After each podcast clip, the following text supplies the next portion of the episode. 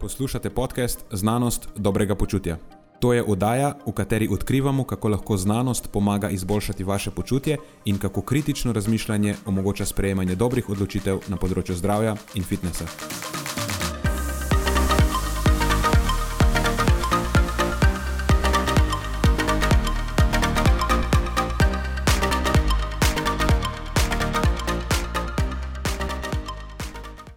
Tej epizodi se pogovarjava s Tino Goršek Šparovec. Tina je trenutno doktorska študentka na področju ginekologije na Medicinski univerzi v Gradcu. Dodiplomski študij biotehnologije je zaključila na Univerzi v Ljubljani, magistrirala pa je iz prehrane in biomedicine na svetovno priznani Tehnični univerzi v Münchnu. Poleg raziskovalne dejavnosti je Tina aktivna tudi na področju športa. Izobražuje trenerje, ki si želijo več znanja o ženski fiziologiji, neposredno pa svetuje tudi športnicam ter jim pomaga pri boljšem razumevanju lastnega telesa in njihovih zmogljivosti. Njeno poslanstvo temelji na želji, da bi trenerji razumeli in upoštevali potrebe športnic in tako sestavili optimalne treninge, ki so podprti s primerno prehransko strategijo. Mislim, da je na podlagi opisa vsem jasno, zakaj sem Tino povabil v goste ker predstavlja v eni osebi združeno teoretično in praktično znanje o prehrani, presnovi, ginekologiji in endokrinologiji. Prepričan sem, da je ni bolj primerne osebe, da me izobrazi o prehranskih potrebah aktivnih ženskih športnic ter o specifičnih odzivih ženske fiziologije na prehrano in vadbo. Preden začnemo, pa se moram zahvaliti še našim sponzorjem. Zaenkrat to še vedno ni velika korporacija, temveč zvesti poslušalci, ki nam izkazujete zaupanje in podporo s prijavo v našo člansko skupino Znanost dobrega počutja. Hvala vsem, ki s tem držite luči prižgane in omogočate podkastu, da raste ter postaja še bolj kakovosten. Hvala tudi vsem ostalim, ki nas podpirate z visokimi ocenami in pozitivnimi komentarji, ter tako, da priporočate podcast svojim znancem in prijateljem. Zdaj pa je končno čas za začetek epizode. Uživajte ob poslušanju.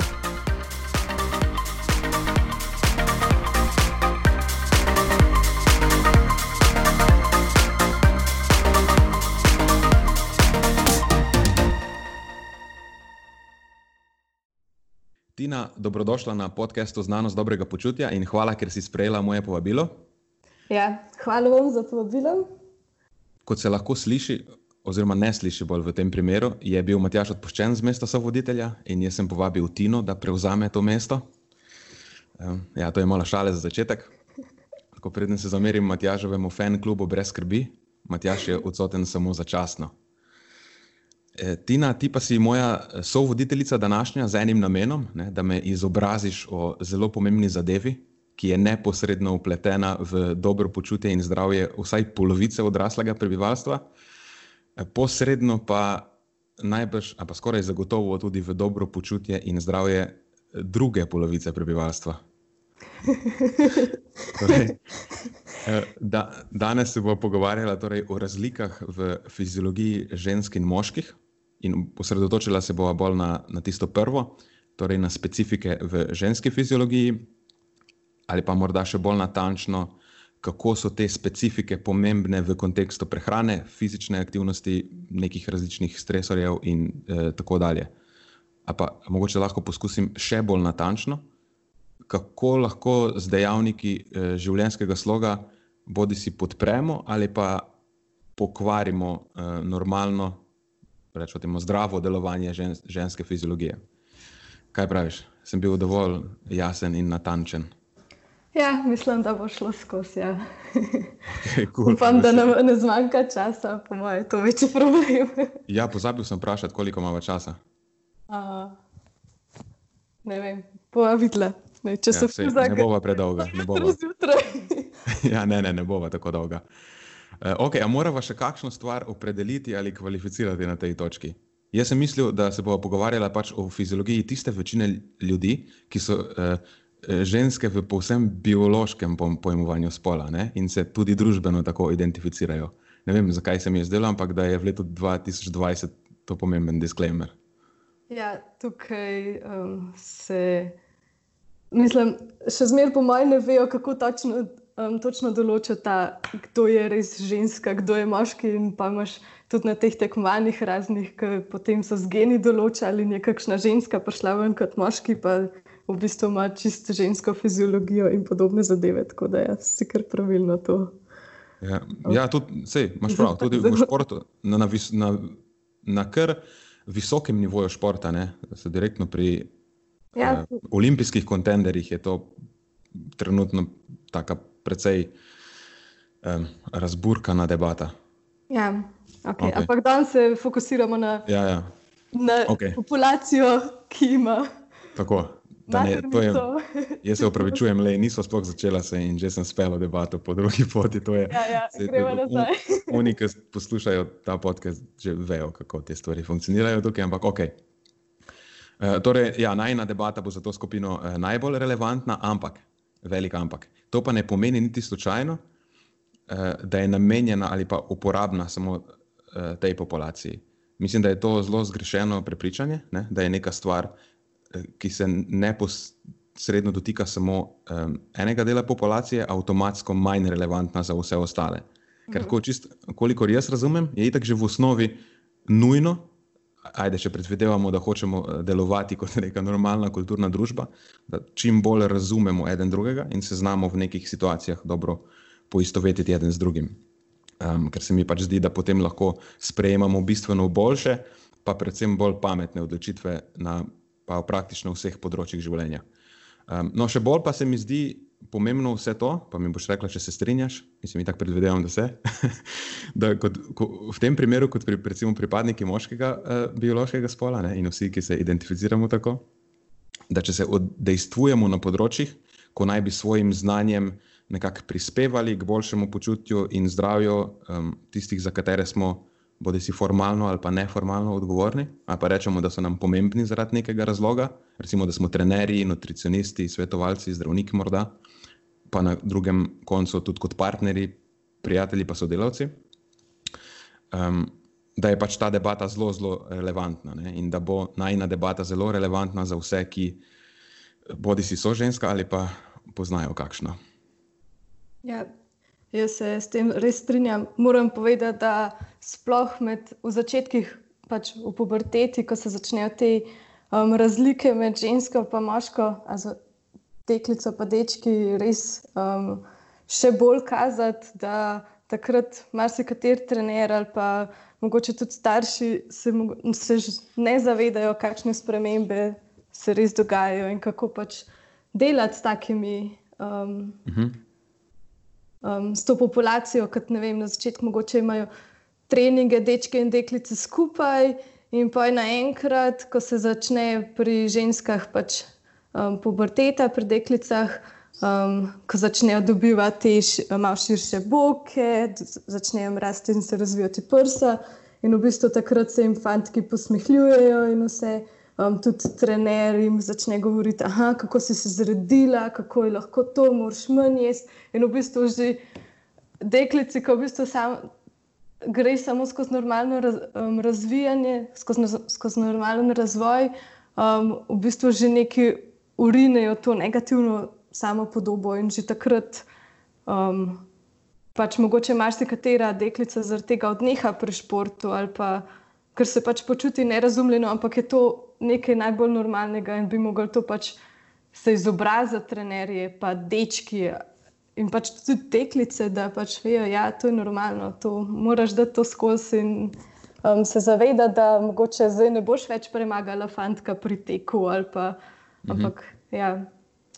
um, in tudi ženskam vem, da se ne zdi fair, ker pri 15 let, letih fant um, zraste, dobi mišice in je kar naenkrat najhitrejši in hitrejši kot one. In, um, to tek, se mi zdi, da je tle kar dosti tekmovanja prisotnega, no pa v bistvu po nepotrebnem, ker sploh ne bi jih smeli primerjati no, v končni fazi. Mhm. Zelo dober point. Mislim, da je um, šport nekako. To je tako zastarelo, po mojem razumevanje, ker šport je pač nekoč tradicionalno po spletu okoliščin bil bolj, recimo, temu neko moško okolje ne? in dejansko smo ostali tako sto let za časom in še zmer eh, se pač nekako tako čudno dojema, da je pa eh, nekako. Eh, moška, tista normala. Ne? In potem, ja, tako kot zelo dobro praviš, punce, pač ne moreš, tako kot ona igra, ki imaš kroge, pa veš razne like in pol, kot da bi probo krog stlačiti v, v, v, v kvadrat. Um, ja, krog v kvadrat, če gre. um, Ja, ne, če je krog, če, če, če, če je večji. Ja, ja, uh, ja, se imaš prav. Ne. Predvideval sem, da niso, da niso liki enako veliki. um, ja, imaš kakšne izkušnje prav z, z prakse, z, recimo z mlajšimi puncami, ki trenirajo nekaj? Ja, ravno včeraj sem imela prvi uvodni sestanek z eno triatletinjo. Um, tukaj v Avstriji, um, ravno na koncu pubertete je in pač njen trener v začetku njenega razvoja um, ne vem, par let nazaj, ko je začela trenirati triatlon, ni razumel, da bojo pač fanti hitrejši. In ona je rekla, da se ni pač res zamerali in je zato poiskala drugega trenerja, um, ker enostavno so na koncu tekme pogledali samo številke in so pač vsi govorili, ne, ti pa nisi dobra, ker pač ne moreš dohiteti tega fanta in ker je pač on močnejši. In, ne moreš verjeti, no, res, kaj se um, dogaja. In ravno to, in um, govorila sem tudi z eno atletinjo, ki je pač isto so ji rekli, ja, meni, ko so mi začeli rasti. Um, Rast prsi in boki, ki sem pridobila na teži, mene so tako z dietom bombardirali, pa z nekimi brezvezdnimi prehranskimi načrti, in pa je, um,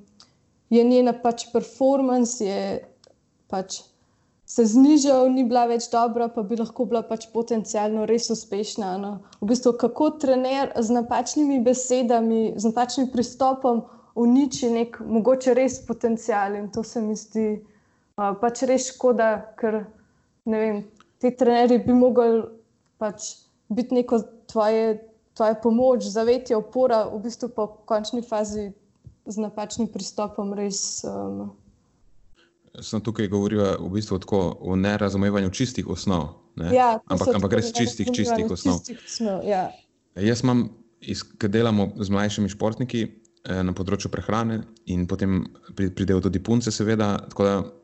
Jaz sicer nimam nobene tako zelo ekstremne izkušnje, vem pa, kako recimo trenerji ne znajo trenažnega procesa, dostkrat, se ne vsi, ne, ne pravim generalizirati, ampak mhm.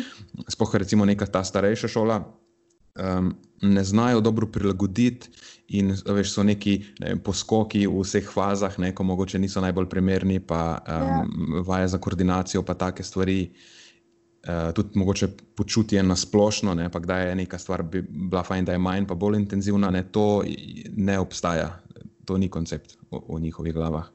Ja, um, jaz sem imela res eno dobro izkušnjo. Predavala sem um, pred kratkim uh, Jadralni zvezi in ko te posluša tako 20 ljudi, starih od 40 do 60, ki so pač trenerji in ena ženska med njimi. Um, ampak ja, spremljal sem res tako z odprtimi očmi, sodelovali so, sprašvali so, res se niso zavedali, da v bistvu ja, v nekaterih delih cikla pač ženska koordinacija in koncentracija mogoče malo um, peša, ano, in da takrat neki siler z nekimi vajami, to res ni. Me je prav tako, dobila sem res dober feedback, um, ker očitno se niso te, ok, so se že zavedali, ja, da so razlike, ampak ne mogoče toka. Ne? Mogoče si bojo zdaj upali bolj govoriti s svojimi puncami mhm. o teh zadevah. In to je v bistvu tudi namen tega, da se pač trener. In športnica začneta komunicirati, da si povesta, da je danes pa meni to, pa to boli, prosim, ne mi dati kakih poskokov. Pa ni to, da se bo zdaj izmišljala punca, ampak pač enostavno narediti trening bolj prijeten in pač pametno um, ga strukturirati na ta mhm. način. Ja, se po moje, večinoma ne gre za slabe namene. Načeloma, ja. trenerji tako želijo dobrih rezultatov, gre se samo zato, morda, da niso bili izpostavljeni tem informacijam. Ja, res škoda, ker ne vem, če se ta tema tako ful predava. Po moje ne. Se jo bomo, jo bomo popularizirali. Ja, upam. okay, dej, preden preden zaidemo v tehnične zadeve, ker vidim, da so že na poti tja.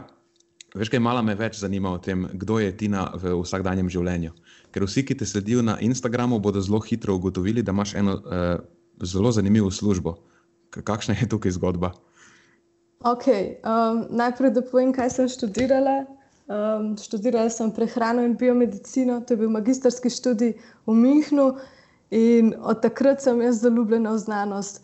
Nam so praktično kjerkoli predmet so nam predavali, so bili profesori tako dobri, um, res so bili tisti špica znanosti. Um, In so me praktično navdušili za vsak predmet, ki sem ga imela, in pa se je bilo res problem odločiti, kako naprej, ker smo imeli res od termoregulacije in prehrane.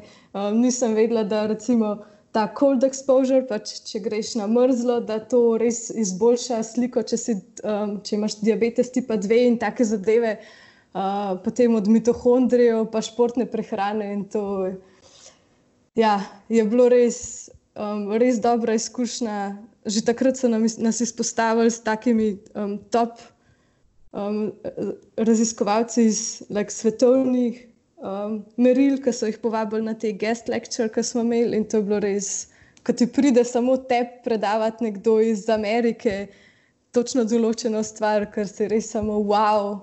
Da mi kontakt, jaz hočem biti s tabo v kontaktu. In je bilo to pač res, um, res, verjetno najboljši dve, tri leta, ki sem jih imela, um, glede znanosti.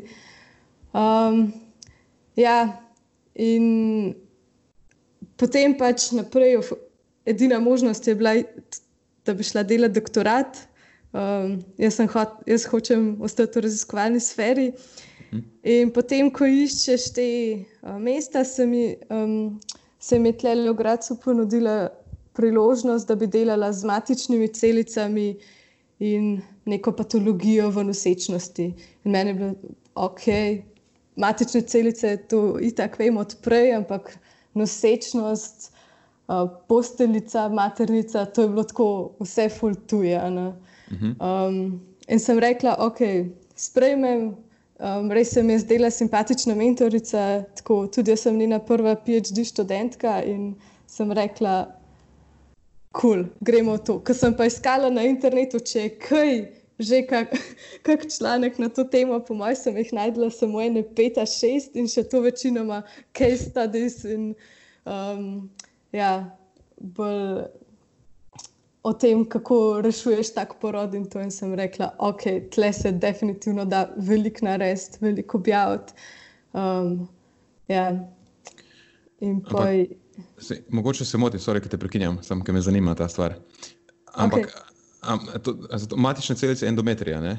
Ja, to so matične celice endometrija. In v bistvu praktična moja naloga je um, govoriti o tem, kako v bistvu matične celice regenerirajo um, ta endometrij vsak mesec, um, in kaj se zgodi pri ženskah, kjer se posteljica preveč vraste v maternico. To je. Reče se placenta acrita spectrum disorder. Um, in to se pojavi pri teh ženskah, lahko se pojavi pri teh ženskah, ki so imele prej kakršno koli operacijo na maternici, od carskega reza.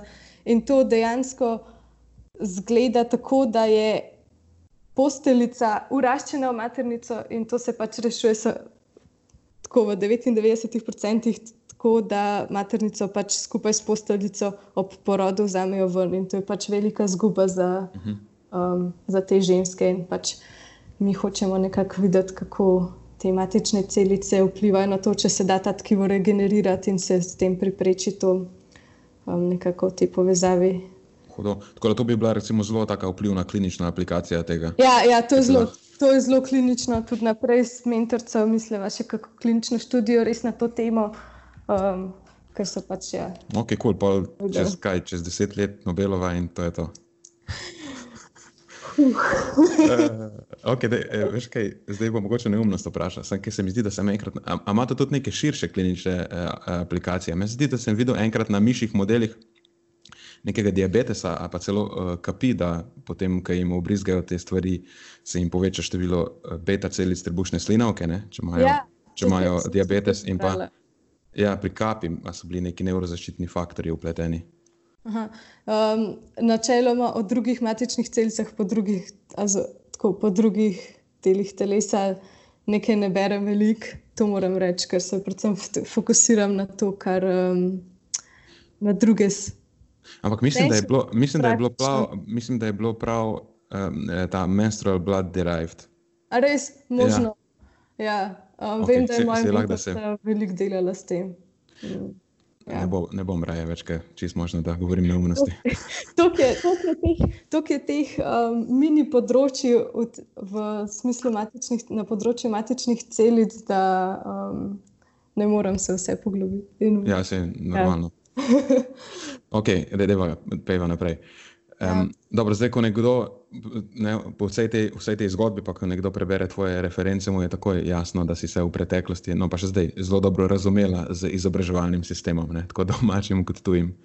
Um, pa, pa nedvomno pač prihaja glaven del tvojega znanja in v fiziologiji, presnovi, ginekologiji in vseh teh stvarih od tam. Um, ampak jaz se bom še enkrat sklical na Instagram, ker je to itak najbolj relevanten vir na svetu. Eh, vsem, ki te tam sledijo, je tudi zelo hitro jasno, da si neke vrste različen zbiralec, eh, oziroma zbiralec različne vrste športov.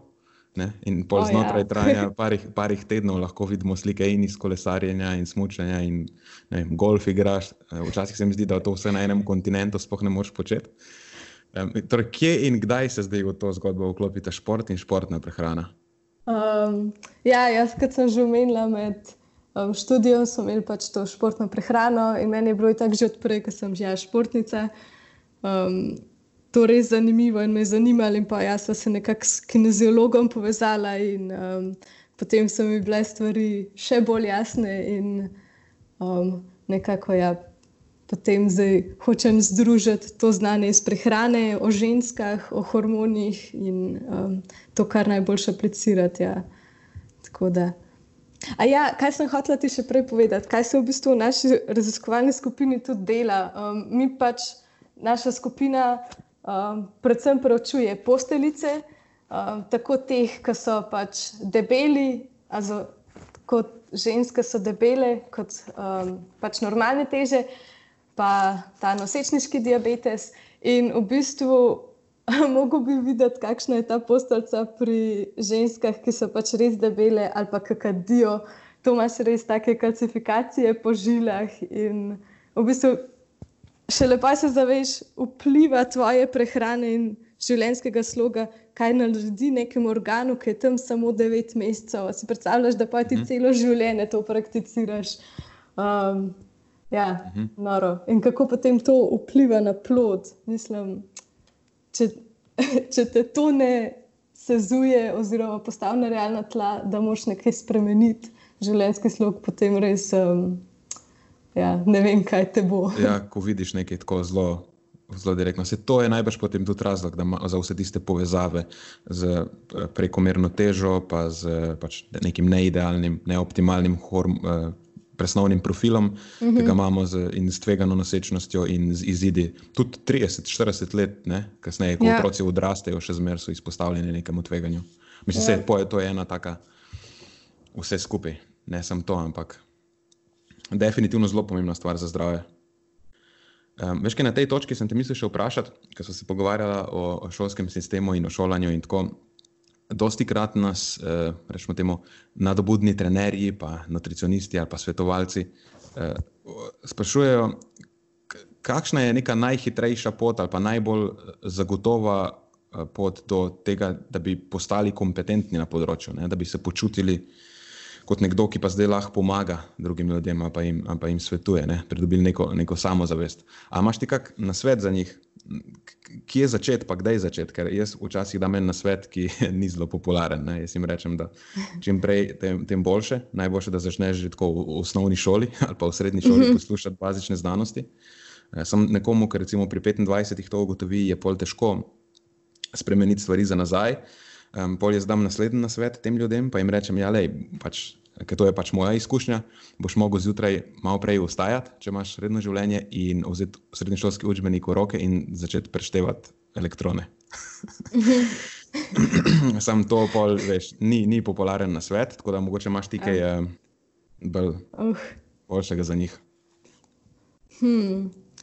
Ne vem, mogoče to, da nisi strokovnjak, ko prebereš eno knjigo, prav tako, da nisi strokovnjak, če delaš deset let isto stvar.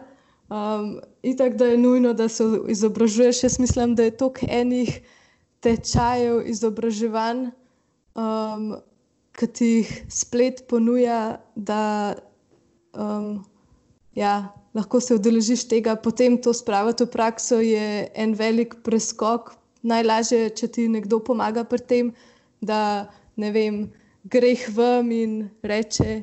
Hey, jaz, jaz si želim pomagati ljudem, predavati, ali lahko neko prakso pri vas naredim. Um, jaz mislim, ja, da se te prakse manjka, tako tudi vem, v raziskovalni sferi ali pa kot tudi tole, da pomagaš drugim, da imaš stik z nekimi pacijenti, mislim, z ljudmi, ki si želijo spremembe. Um, ja, drugače pa moram reči, da imam premalo izkušenj, da bi o tem pametovala, glede na to, da šele začenjam z mojo kariero svetovanja drugim ljudem, tako da tle bom jaz. Rabo pomoč, ampak ne, ko si nekako znanstveno res podkovan, um, potem mislim, da, da je lažje. No nekako pa najbrž ne moramo mimo tega, da če imaš neko reči, da hočeš delati na tem področju, pa recimo, da imaš ljubezen do prehrane, pa vadbe ali česar koli, skoraj ne moreš brez potem ljubezni, rečemo temu, do nekih bazičnih znanosti. Ne? Um, uh -huh. Mislim, da to ne, ne more iti eno brez drugega. Ja, in tako moraš imeti neke osnove. Da... Ja, če, če dobiš um, neko visceralno reakcijo, kot ti kdo reče, da je kemija pomembna, ne, ali pa vem, biologija, v končni fazi tudi fizika, mogoče matematika. Če dobiš neko reakcijo, da to ne, je nekaj, kar, kar pač absolutno ne maraš, um, potem je to mogoče dober indikator, da, da nisi za to vrsto dela. Ja, mogoče. Sploh ne Tle... na nekem, nekem zelo, se no, nobenega nočem odvrniti ali, ali pa kaj, samo um, mogoče komu pomaga rešiti par let njegovega življenja, ne? če ugotovi, da to mm -hmm. ni za njega. Ja, tudi pa ne se, če, um, če si se pripravljen učiti, je, mislim, da je vse možno. Pa pač uh -huh. biti odprt za nove ideje in ne pač. Ja, vse to je tisti predpogoj. Če, si, če, si, če pa vidiš, da te to zanima in si pripravljen vložiti trud, potem pa ja. pač čim prej začni, ne se tudi če pri 30. Ja, vse, kot sem rekla, vse so te tečaji, ok, mogoče. Da poiščeš nek na svet, kjer tečaj je res kvaliteten, ker niso vsi, a ne pa te izobraževanje za licence. Um, se mi zdi, da je to kar, da se kar dosti naučiš lahko. Potem, uh mhm. -huh. ja, ja, dobiš osnove in potem, od, ja. če, si, če si odprt in rečeš temu znanstveno razmišljajoč, potem mislim, ja. da si na dobri poti. Definitivno. Um, in potrpežljiv. Ok, cool. zdaj pa mislim, da je bilo za dosti ogrevanja. Ja.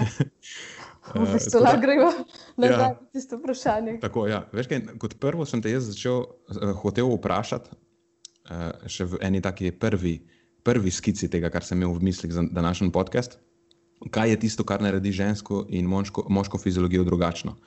Ampak potem, eh, po branju enega izmed člankov, enega tistih, ki sem jih naložila za domačo nalogo, preden sem začela snemati, eh, Šufeld in sodelavci, oni pravijo v prvem odstavku, tako se začne njihov članek, v bistvu, da je menstrualni cikel vitalni znak.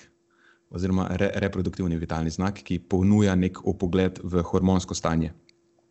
In meni se je to zdela super zanimiva trditev. Uh, mislim, vse mi je bilo jasno, da je stvar super pomembna. Ja. Uh, ampak nikoli si nisem menstrualnega cikla predstavljal v čist takšnem okvirju. In um, kaj hočem vprašati, je, ali torej lahko rečemo, da je normalen in funkcionalni cikl, mislim, poleg vseh ostalih zelo očitnih stvari, tisti, ki je recimo vitalni znak ženske fiziologije in je kot tak. Mm, največja uh, in najpomembnejša razlika, ki je potem posledično odgovorna tudi za vse ostale razlike v presnovnih odzivih, bodi si na prehrano, vadbo, neke stresore in tako, tako naprej. Uh -huh. um, ja, jaz bi se tle um, pač strinjala.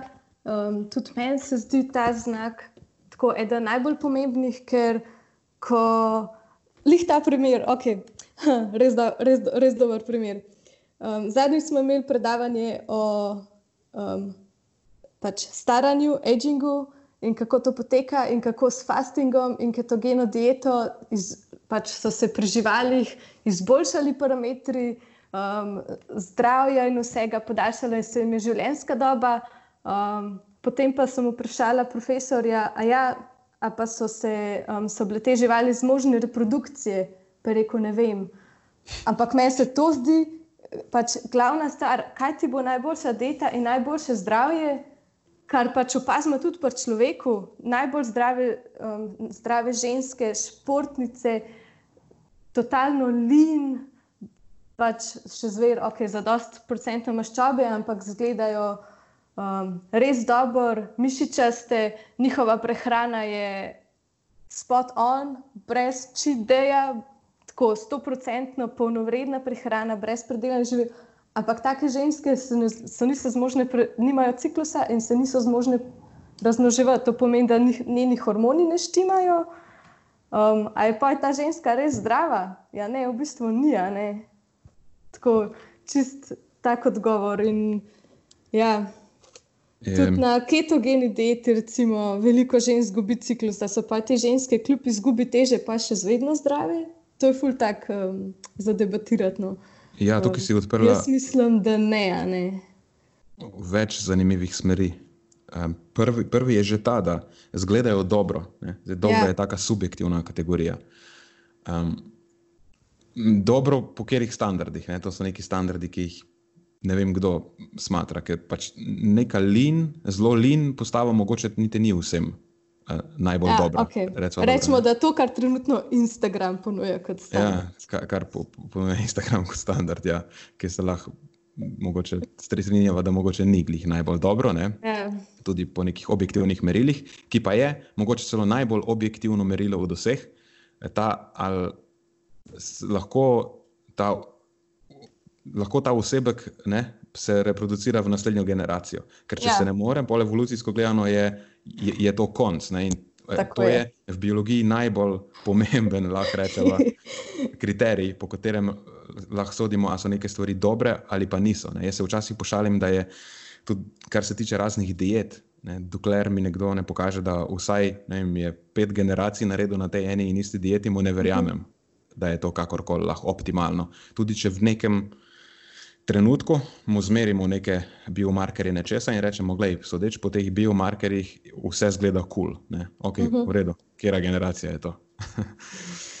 ja, okay, ja, naj pa omenim, da recimo te ženske, ki nimajo ciklusa, temu se reče hipotalamična menoreja, da pač njeni mark, krvni markerji in markerji kosti in to niso najbolj optimalni. No. To je ok. Ja, to je da, že... Mogoče res samo, da zgleda optimalno njeno zdravje, pa res ni ni ja, optimalno. Ja, ja, se mogoče, če bi neke površne biomarkerje vzel, kar ni sladko razmeralo, pa Kitaj, bi mogoče še izgledalo eh, kar solidno. Um, krvni sladkor je ponavadi znižen, um, hm. holesterol je povišen pri takih ženskah, veliko hm. ima večjih holesterolov. Sej, ko pomisliš, kaj se naredi, ko uh, pač ženska gre skozi imeno pauzo, nima več estrogena, nima več spalnih hormonov in ni, takoj se ji poveča. Um, možnost za kardiovaskularne bolezni, zato ker estrogen pač deluje kot neka protekcija za to. Ne? Mhm. In ravno zato imajo tudi potem zelo hitro se pri njih poveča ta holesterol in to. In prav tako pri mladih ženskah, ki izgubijo menstruacijo, si predstavljaš 21 let, top fit in um, ima povišen holesterol, in tudi take ženske imajo kasneje, ko, zdrav, ko pač se pozdravijo, dobijo nazaj ciklus, večjo možnost za kardiovaskularne probleme, mhm. kar je nekako dolgoročna posledica. Ja, tukaj imamo kupenih podatkov, kako je to kasneje, ne? v menopauzi. Ja. Ti učinki dobro poznani.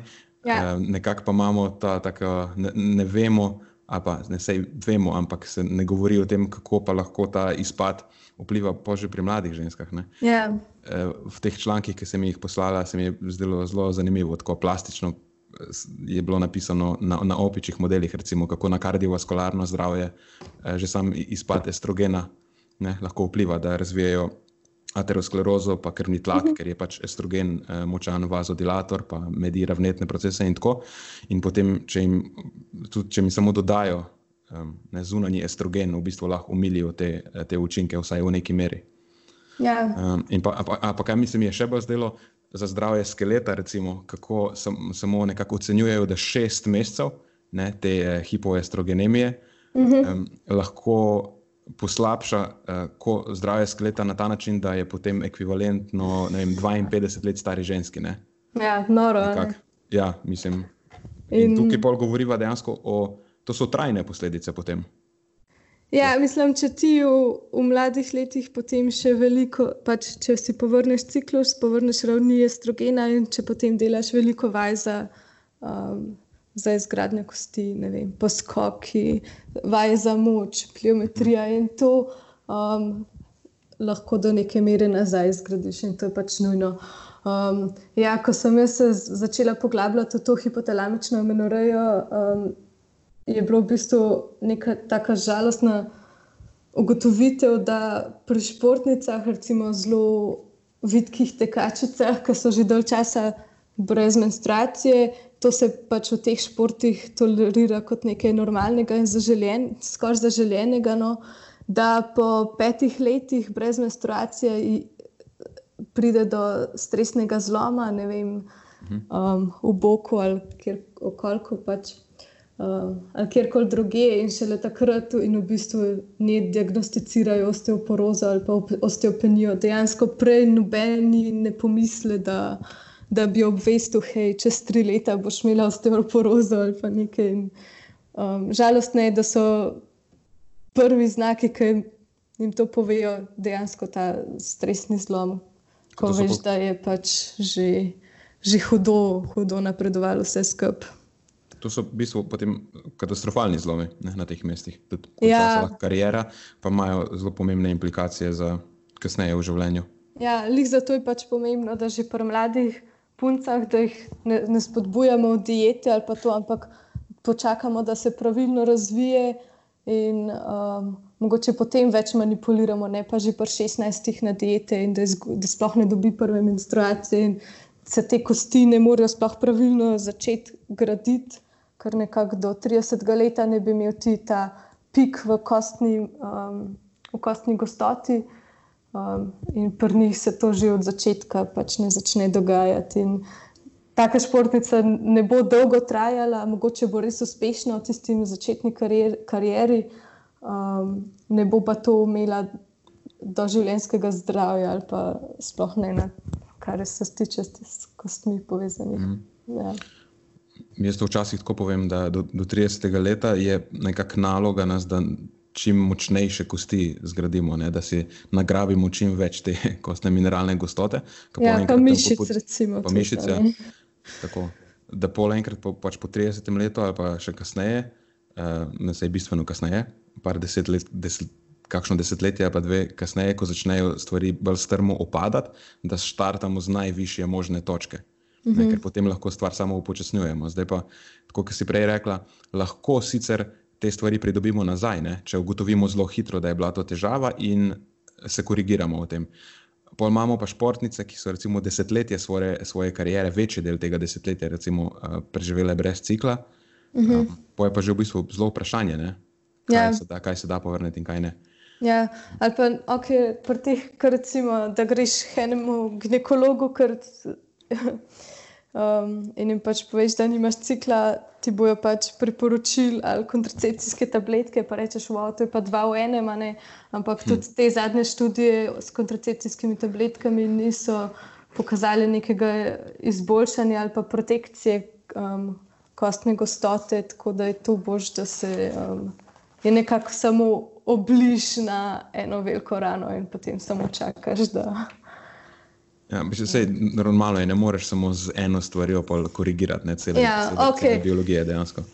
Dajo jim tudi te nadomestno hormonsko terapijo, ampak zakaj, če bi lahko pač svoj ciklus imela in uh, mm. je to še vse ali, tako brez vpliva zunanjih hormonov, ker tudi če jemliš ti neke eksogene hormone, bioidentične, ne vem kakšne, imaš še zmeraj lahko pač um, stranske učinke, ne vem zakaj ne bi pač svoje.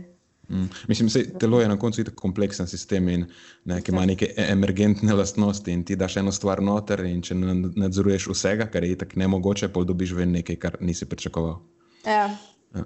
Mogoče lahko zdaj narediva naslednji korak, na naslednjo stopničko, pa kar pove, okay, odkje pa zdaj sploh prihaja ta stvar, ne, kaj dejansko povzroči um, to neko uh, sekundarno menorejo. Pa mogoče se lahko definira, ne, to je nekaj kar pomeni, da je od menstruacija odsotna več kot tri mesece? Ja, um, ponavadi naj, najbolj ti pogosti razlogi so, ali um, ženska premalo je, um, deva se kar tlele malo staviti in še to mm. malo bolj razložiti. Ta sekundarna menoreja se ne pojavi samo pri ženskah, ki imajo zelo nizek procent maščobe, se ne pojavi pri, um, ja, samo pri športnicah, pojavi se lahko pri vsaki ženski, ki začne s hušanjem, sploh če gre na res neko ekstremno dieto. Um, pojavi se lahko tudi pri um, pač posameznicah s prevelikim um, ITM-jem. Ja. Um, tako da to ni, lahko si ti predebel, pa boš lahko še zmeraj to um, izkusila. No. Tako je. Ja.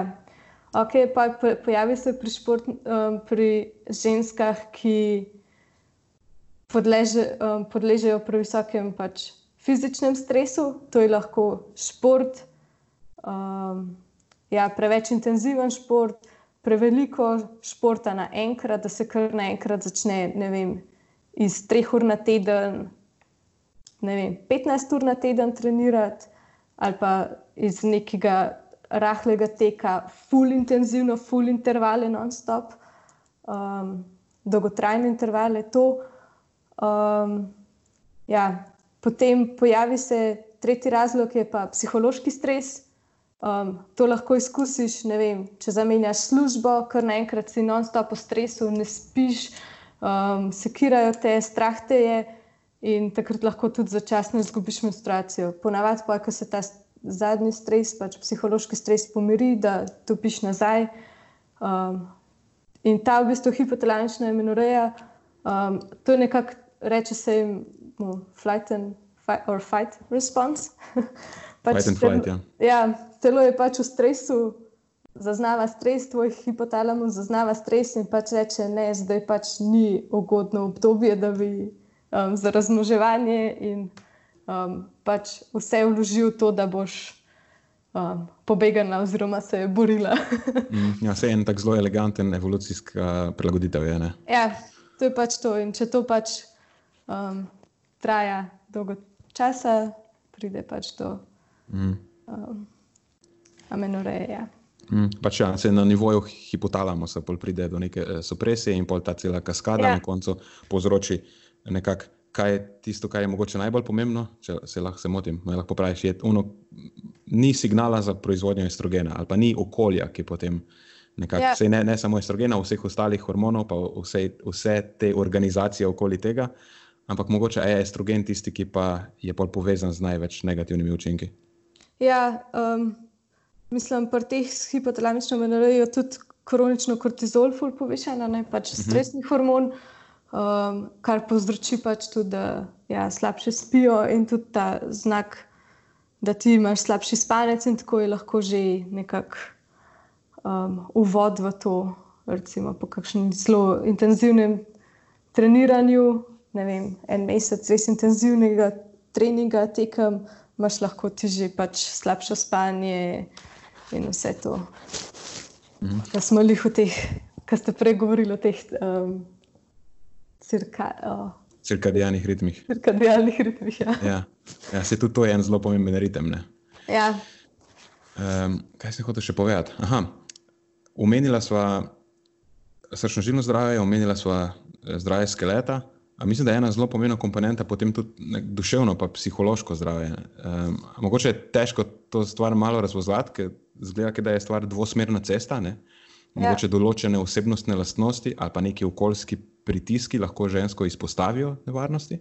Ja. Uh, ne, imamo to višjo stopnjo moten hranjenja, pa neke osebnostne lastnosti, perfekcionizma, pa eh, mogoče okoljski pritiski, obremenjevanja s tem telesnim videzom um, neko nezadovoljstvo, občutek nemoči, take stvari. Um, je pa potem še drugi del enačbe, ki je pa estrogen najbrž direktno učinkuje tudi na kognitivno vedenje in, in počutje. Ne? Um, nekako modulira te ravni neuropeptidov, pa neuroprenašalcev, uh, spoh serotonina in pol. Kaj imamo, de depresijo iz tega naslova lahko? Ja, um, ja pri ženskah z Um, hipotalamične menore je predvsej pogosteje ta anksiozna motnja, depresije, uh, pač slabše počutje. Ja, okay, na ta psihološko raven se jaz nisem ravno tako spuščala. Ker, um... no, mogoče samo neka stvar, da je tudi velja. Je, je to še eno novo področje. ja, tudi velja biti pozoren, ker definitivno je zelo, zelo pomembna komponenta našega dobrega počutja in dolgoročnega zdravja, ker smo tudi ja. pripravljeni manj.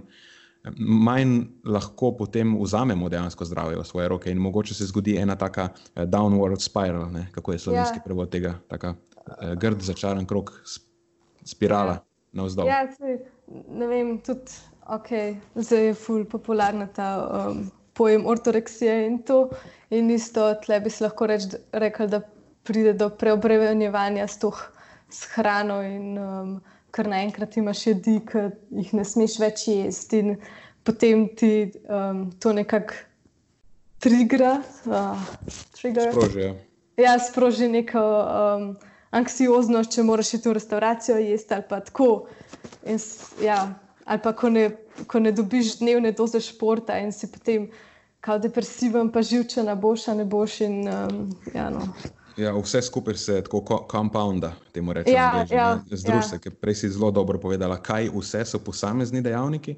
Ne pa, ki jih združiš, dobiš tako eno, ne vem, če je sinergija, ki jih prava beseda v tem primeru. Ampak, ne, mislim, dajemo noter, ok, v službi smo stresirani, doma imamo težave, nismo zadovoljni sami sabo zaradi nekega razloga. Ja. Zdaj bomo pol dietirali, da bomo stvar pripravili, z downloadanci eno, ne vem, tisoč kalorij dieto in tako usedam na kup usedem na kup in pol se čudim, da se mi zgodijo slabe stvari. Ne? Um, Nekako teh stvari se moramo lotiti pametno. Ja, o, zdaj si me kar nekako um, malo potipal s temi tisoč kalorij dietami. Oj, oj. Tudi ja.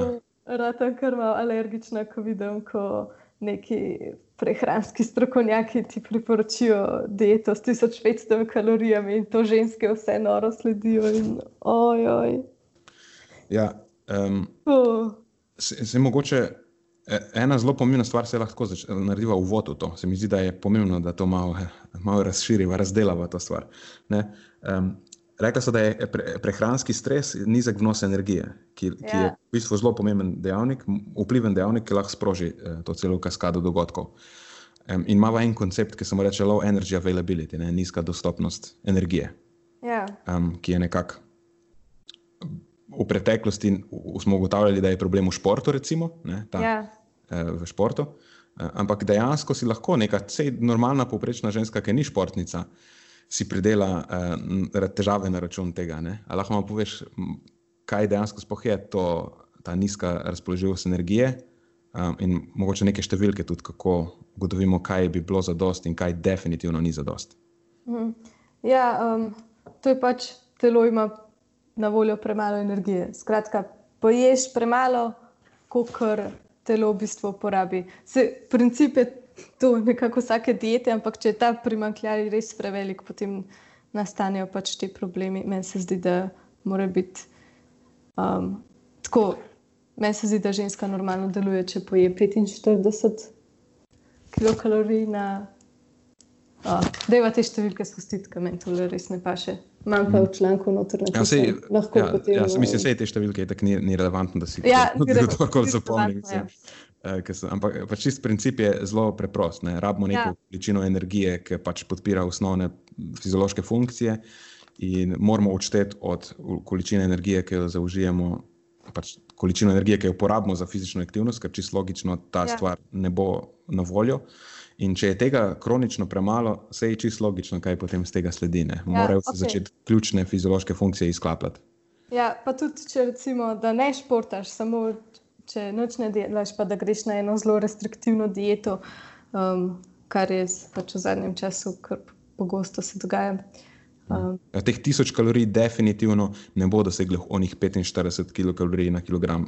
Uh, ja, meni se zdi, da je 30 pač spodnja meja. Ja, 45 je onih optimalnih. Ja, Tako je. No, jo, pa so prišla tudi do številke. Ja. uh, Eh, se, ja, torej, to je ta stvar, nekak, ki potem lahko celo stvar zelo, zelo hitro poruši. Um, energijska dostopnost. No, pa še kupenih drugih stvari, mogoče, ki se jih lahko dotaknemo. V, v enem drugem članku, ki sem ga tudi poslala, me je fascinirala ena stvar. eh, pač govori o tem, da ta neka ta ritmična sinhroniziranost celega cikla je zelo, zelo pomembna za, za presnovno zdravje. Ne? In kako potem se dejansko, sploh v lutealni fazi, se znižajo eh, ravni aminokislin, pa tako lipidov eh, v plazmi, ker pač poteka biosinteza teh beljakovin, pa tudi fosfolipidov, ne zadeveli se maternična sluznica. Ja. Eh, pa mislim, gre celo do te mere, ne, da, da telo zniža produkcijo eh, nekih endokanabinoidov, pa recimo um, drugih neuroprenašalcev, serotonina in tako naprej, uh -huh. ker mhm. vrčuje na ta način na tem področju, da lahko stvari usmerja v ustvarjanje okolja, ki bi bilo idealno za to, da potem nekako zarod, če pride do oploditve, ne, lahko optimalno eh, raste naprej. In potem so izpostavili še ena hranila, recimo, ki bi bila lahko eh, kritična, ne, recimo, če je naš prehranski status neidealen. -huh. In potem pride do prioritiziranja teh hranil v, v te eh, procese, namenjene reprodukciji, ne, recimo B6, pa vitamin D in tako naprej, pa v, v te večkrat nenasičene maščobne kisline. Um, v bistvu že, še predtem sploh govoriva o, o tako neki taki hudi zadevi, kot je izpad samega cikla, ampak lahko prispeva k simptomom PMS in ne vpliva dejansko, prej so se dotaknili duševnega zdravja. Tako da že, že predtem sploh pride do eh, nekih hudih posledic zaradi energijskega pomankanja, lahko govorimo o negativnih posledicah restriktivnih diet ne, ali pa nespametno načrtovanih. Ja, sploh če, se, če imamo restrikcijo ravno v tej lutealni fazi, kjer v bistvu naše telo potrebuje še več energije, še več hranil kot, um, kot, v, tej drugi, kot v tej prvi fazi.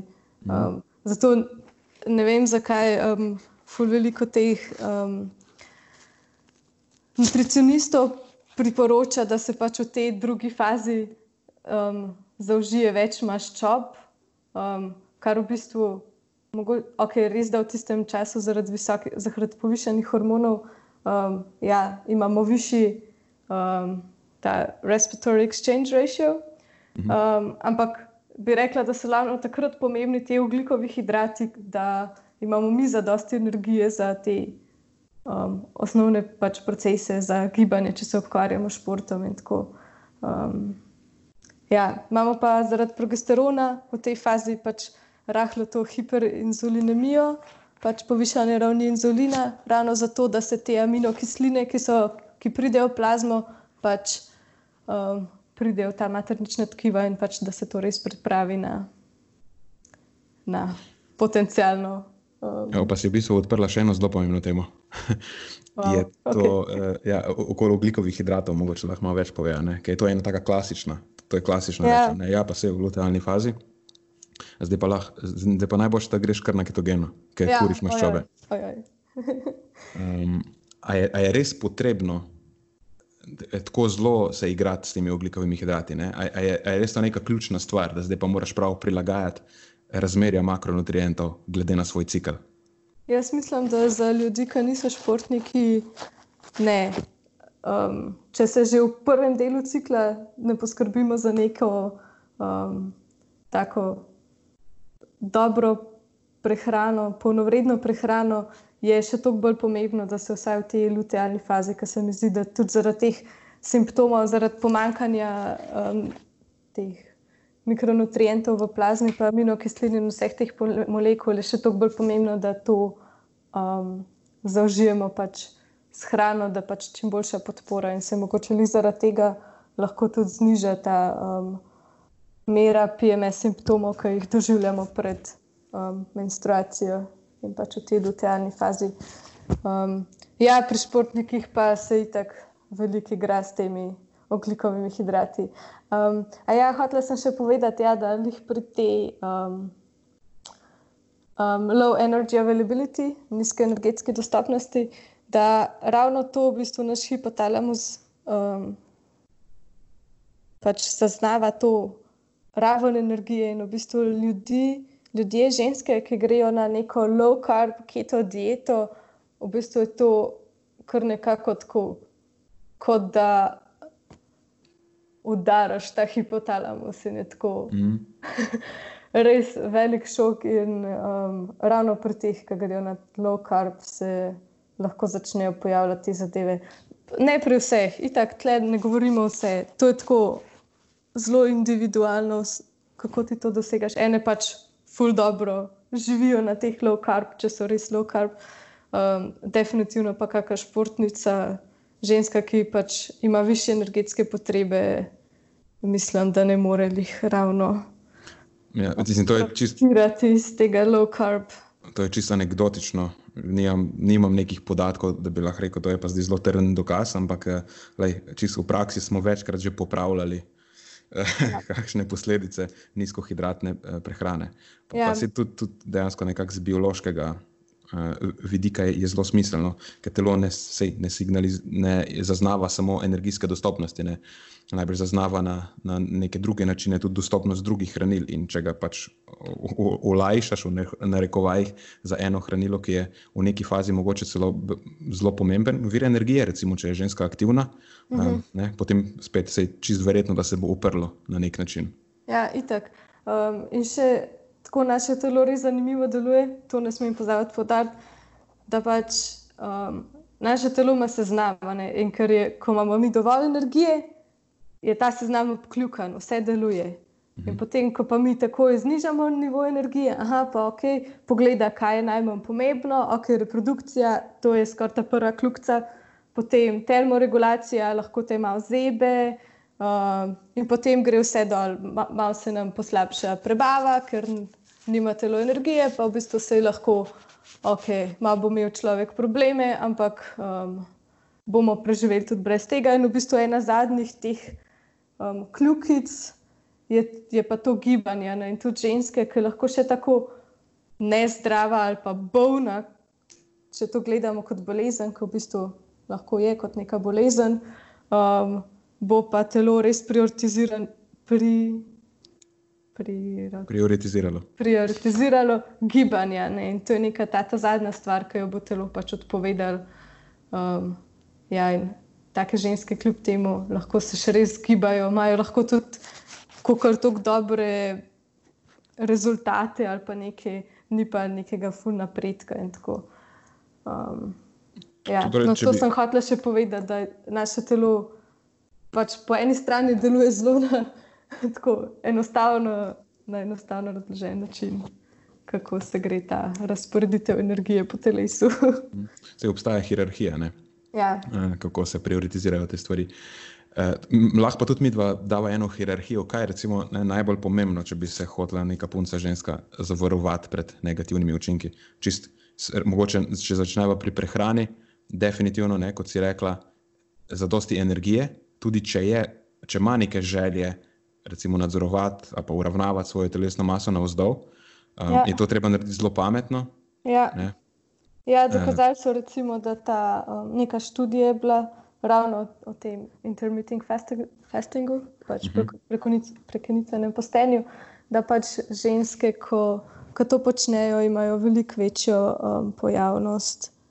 Um, motenj menstrualnega ciklusa. In tako mm.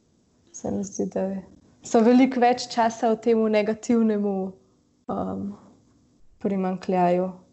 Torej, tukaj je potem mogoče Akutno, ja. Ja, spremljati neke mogoče biomarkerje, smeriti ali pa, pač ne štartati zelo agresivno. Kaj mm. govorimo o nekih, recimo, 300 kalorijah, minusa, kjer začnemo, recimo, ali pa ga ne presežemo. Ja. Um, Pol druga ja. stvar, definitivno, kot si rekla, je, da imamo neko zelo solidno prehrano, ne, da je pač itak hranilno bogata, pa da je takšna, da nam omogoča učinkovito nadzorovanje apetita, sploh mogoče kasneje v lutealni fazi, ne, o tem sicer nismo govorili, um, kot jim pride tudi mogoče do nekega, uh, ne vem, če temu lahko rečem, motenega delovanja, ampak vsekakor pride do nekega poslabšanega uh, funkcije leptina in tako pač hormonov, ki so ja. nadzorovani za nadzorovanje apetita, je vsekakor. Eh, ženska v boljši poziciji, ne, če, če ima prehrano, ki je že baseline, ampak tako izhodiščno uravnava robustno nadzorovanje apetita. Uh mhm. -huh. Ja, itak, um, jaz zagovarjam to polnovredno prehrano, tle me težko kdo predstavi, da pač, ko res rabiš veliko mikrohranil, da ja, čim manj predelane hrane, čim več polnovredne, okay, za športnika, da poje ful vlaknine, to mogoče že problematično. Uh mhm. -huh um, z vidika te količine. um, za neko normalno populacijo. Pa, ja. Tukaj so potem mogoče te specifike ne, za športnike, okay, ki je naslednja stopnička v hierarhiji, morajo ene stvari pa bolj podrobno eh, tako umestiti, pa mogoče se res poigrati z makrohranili. To je pa pol tista stvar, ki jo počneš z, dejansko se jo počneš individualno, ne, z športnicami, s katerimi sodeluješ. Um, kaj so potem, potem še naslednje recimo, stvari, ki niso vezane na prehrano? Definitivno fizična aktivnost. Ne? Ja, itak. Um, tako. Lahko kar povem, kako poteka zdravljenje takih športnic, mislim, zdravljenje. Um, ja, pač urediti prehrano, tukaj se res um, tem športnicam, mislim, tem ženskam, ki trpijo za to amenorejo, je res lih, da ne dovoljeno skoraj, da vse pojejo, kar, kar vidijo, ja. kar lahko, ker pač morajo telesu dokazati, da je, pač, da je varno, da ima dovolj energije in tukaj pač sladoled, bomboni, čokolada. Um, to so kar, so kar dobra pomoč. Potem je zmanjšati športno aktivnost, um, definitivno nič intenzivnih treningov, res ali nizko intenzivna, ali samo mogoče bolj vaje za moč, ampak to nikakršnih teh hit ali pa full poskokov, um, tako pa za težmi. Um, in pa ja, čim več počitka, regen, regeneracije, spanja, tako da se res telesu dokaže, da ni v v grozni fazi, da ne rabi se boriti. Da, da je dovolj resursov. Ja, da je dovolj resursov. Ja. A je, a je potem je leptin tisti, nekako, ki je zelo pomemben signal. Da, tudi, če gledamo na strategije, v bistvu so to nekakšne strategije, ki eh, optimizirajo delovanje leptina. Ne? Se leptin ja, on, ja, nekaj, ne ve, on hormon, ki ga izločajo pretežno celice um, maščobnega tkiva, ne? ko so ja. polne, ga izločajo več. In pol dejansko ena stvar je, da jih napolnimo, da ga začnejo izločati več, to je skoraj neobhodno. Potem mogoče tudi dostopnost ugljikovih hidratov na kratek rok, ne, da jih pojemo ja. za dost, je nekaj stvar, ki vpliva na to. Um, nisem pa sicer, kako vadba, najbrž ja. tudi ne preveč. Ja, in tako preveč športa, to je tako stresno telo, sprožijo se pač stresni odzivi, unetni procesi in to je pač eh, nekaj, kar telo v tem času, ko se regenerira od hipotalamične amenoreje, pač ne rabi, ne to samo še mhm. dodaten um, ja, napor za telo, dodaten. Um, ja, dodaten stres, vse je tudi v bistvu ja, ja, povišen. povišen, uh, povišen uh, Veš, brain fart. Šlo mi je, hodo se več. Eh, po povišeno vnetje potem dejansko tudi vpliva na um, senzitivnost na leptin. Ne, ja, Nekako probamo, probamo vse, čim več teh stvari zadeti, ne spanje, mogoče je še ena taka stvar, pa neke oblike destresiranja. Sej, neka kompletna, kaj praviš, nek, neka taka celostna strategija mora biti. Ne? Ja, in pol... najbolj, najhitreje, oziroma v tej skupini, ki jo imamo, podporni skupini za ženske s hipotalamično minorejo, najhitreje so res menstruacijo nazaj dobile ženske, ki so totalno prekinile športom. In to so bile atletinje, ženske, ki so celo življenje športale, vsak dan tekle ne vem kakšne kilometre, so potem čez noč praktično se odločile in te kaške čevlje zamenjale za Netflix in um, Couch. Uh, ja, te ženske so tudi začele pač res ful več jesti, od, od tega, da niso nikoli več si upale jesti sladoleda, do praktično ene banke sladoleda na dan in take zgodbe. Um, pač totalna sprememba življenjskega sloga um, mm. za teh par mesecev, dokler niso nazaj menstruacije duble. Um, ja, tako da to pretirano športanje, pretirano sledenje nekim dietam, omejevanje vnosa in to res um, ni optimalno tukaj si omenila si podporno skupino. Meni se zdi to zelo pomembno izpostaviti.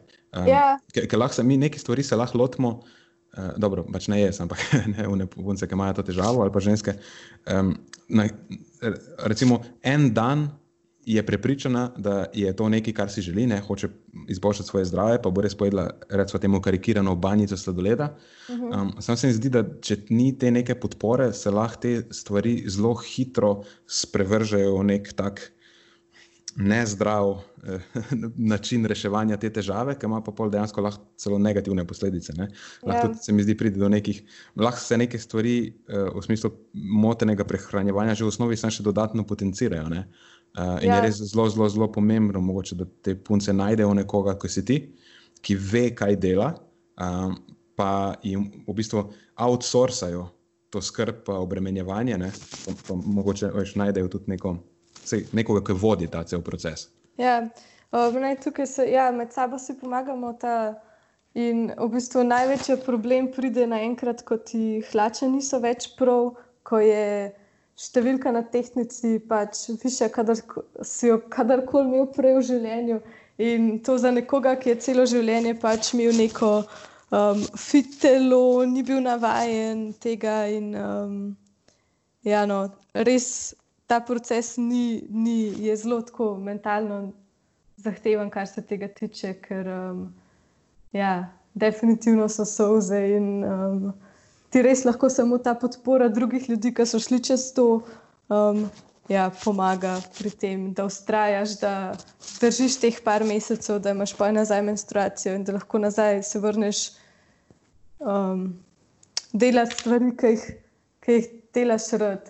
Um, tukaj se pa še pri večini res zgodi en tak preskok, da v bistvu na koncu ugotovijo, da je še kaj drugega pomembno v življenju, kot sam šport, kot sam obremenjevanje s hrano in slikanje hrane in ne vem kaj še vsega. Um, veliko jih najde nove hobije in meni se zdi to ful dobro, tako mhm. um, v smislu, da res se popolnoma spremeniš in da se ne sekiraš, če ne greš enkrat na teč ali pa tako. Um, ja. Ja, super, ženske... si, super si to pojela. Pač življenje postane bolj rewarding. Ja, ja, ja, začneš s tem, da mm. greš vr... nazaj v družbo, ki si jo mogoče prej krma odklopil, ki si tok športov ali pa tako. Um, te ženske so res kar. Um, Če pač ugotoviš, da si, da si svetu vreden še zaradi drugih stvari, ne samo zaradi tega, kako izgledaš, pa ne, kako dober šport, športnik, športnica si. Ja. Um, super si to. Ja. E, če, če, um, da je predem greva, če se bova počasi zaključila, ker uh, zdaj so že eno uro govorila, mislim, da so fuljenih kar pomembnih stvari povedala. Kje je mogoče nekdo, ki ima take težave, ali pa se tudi, če jih zaenkrat še nima, pa je samo športnica, pa hoče poskrbeti, da jih ne bo imela v prihodnosti um, pa, je, pa se je zdaj poistovetila s tabo, pa kje te lahko najde? Oh. Vstopi v kontakt, a sploh lahko. Ja, seveda lahko. uh, ja, mislim, da prek Instagrama, Facebooka, Twitterja um, lahko dam potem še svoj e-mail, naslov, um, drugač ali pa prek kineziologa, ker se trenutno pač še zmeraj največ pojavljam na, na njegovi spletni strani, kineziolog.com. Um, tam si lahko tudi kaj več prebere, torej v končni fazi namenjeno bolj za, športni, za športnice. Ampak, um, ja, če ima tudi ja. kakšna ženska, ki se ne ukvarja s športom, s temi problemi, pa um, lahko. Super, bom malo podebatiramo. Bom dodal povezavo do kineziologa.si, pa bom kar tvoje članke direktno linko. Pa, mm, povezavo do Instagram profila, pa, pa mislim, da te, bo, da te bo vsak našel. Ja, to mi je najlažje. Ja. Zdaj pa čist, preden, preden, še, preden zaključiva, imamo še tako ena lahka vprašanja, ki ti jih prej nisem, ne veš, za te ne veš, da jih boš dobila. Okay. Ampak so zelo lahka. V bistvu vprašamo goste, um, a so bolj, a imajo raje filme ali pa knjige? Mm, knjige. Okay. A nam lahko priporočaš, kako, kje moramo vsi prebrati? Um, trenutno berem eno za statistiki. Odlično, da jaz tudi, veš, da mi povej, kje je. Čakaj, lahko gre samo nekaj, da vem, da slabo.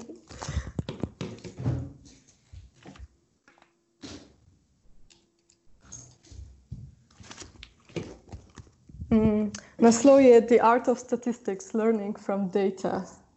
Ah, odlično. Torej, ja. eh, jo rabiš za kaj specifično ali se vračaš nazaj? Uh, ne, o, statistika je nekaj tako stvar, ki bi jo res rada obvladala. Se mi zdi, da um, tako, vsem gre na živce. Če res nisi dober od nje, jo ne razumeš. Jaz bi bila rada dobra v tem, ker včasih ja. viš tak data set, da se strašiš, ampak um, ja, recimo temu, da, se, da bi se res naučila dobro statistike. Hudo, hudo, zanimivo. Veš, jaz se glih tudi trenutno ukvarjam s statistiko, ker sem ugotovil, da imam fulejnih luken uh, in iz čist, čist iz iste motivacije. Uh, tako, pač, to je neka stvar, ki jo moraš vedeti. Če ne si, pač, le, te bodo imeli za norca. Tako, ja. rečeno, lahko zelo hitro. Ja. Um, mm. Tako da ti priporočam to, kar je v bistvu bolj basics, um, drugače se pa ja, ukvarjam trenutno z air programiranjem in tem. In, um. okay, cool. okay. Kako, zakaj sem mislil, da imam luknje, ker sem se prijavil na, na en kurs, ki je uh, Programming with R. In se rekel, ok, wow. okay, cool, okay, to moram pa. Okay. Da imaš se mi še tako, kdaj slišiš, da se o tem pogovarjamo. ne, jaz se s tem, o, eh, o tem se s tabo še ne morem pogovarjati, ker sem ugotovil, da, um, da moram še malo ma, ma, še moram osnove zakrpati prej. ok, deal. uh, da, okay, zdaj, zdaj, če še posluša, če še kdo posluša na, tej, na tej točki, um, a, a gledaš kakšne serije, to skozi vprašamo. Ja, ko mi je dolg čas, ja, in tako. Kjer nam priporočaš, da pogledamo? Hmm. Meh. Ej, trenutno, lej, um, torej, ne gledaš trenutno na dane. Vrti v žgani. Ej, bom jaz eno priporočil. Jaz gledam uno, t, drugo serijo Kozmosa zdaj. Ok. Malo sem zamudil od Neil deGrasse Tysona. Ne? Okay. In, in je tako, ni, ni samo o prva, mislim, da prva, prva sezona je bila tako zelo o, o vesolju, in no, vse je bila tudi malo o evoluciji on, in o, o dejansko nastanku življenja na Zemlji. Tako, no, ta pa se prav specifično z nekimi stvarmi ukvarja in uh, tako da priporočamo vsem. Mm -hmm. Cool. To je to, so bila zdaj lahka vprašanja. Okay, ej, ej, ja. da, ej, lepa hvala še enkrat. Ja, hvala tebi. To je bilo res res zanimivo. ja, se, tudi meni je bilo res super. E, mogoče lahko enkrat v prihodnosti, dejte, pišite poslušalci, kaj hočete slišati od Tine naslednjič, pa mogoče mi jo uspe prepričati, da jo, da jo zvabim še enkrat. Povej, da to ne bo tako težko. Mogoče bo kdo kaj v AR vprašal. ja, v statistiki. Ne, veš, kaj po mojih izkušnjah, noben mi nič ne, ne pove nazaj, ko rečem karkoli o statistiki. Tako da imam feeling, da to ni neka priljubljena stvar, generalno. Tako da ne, noben tega ne mara. Se hočem tega okay. naučiti.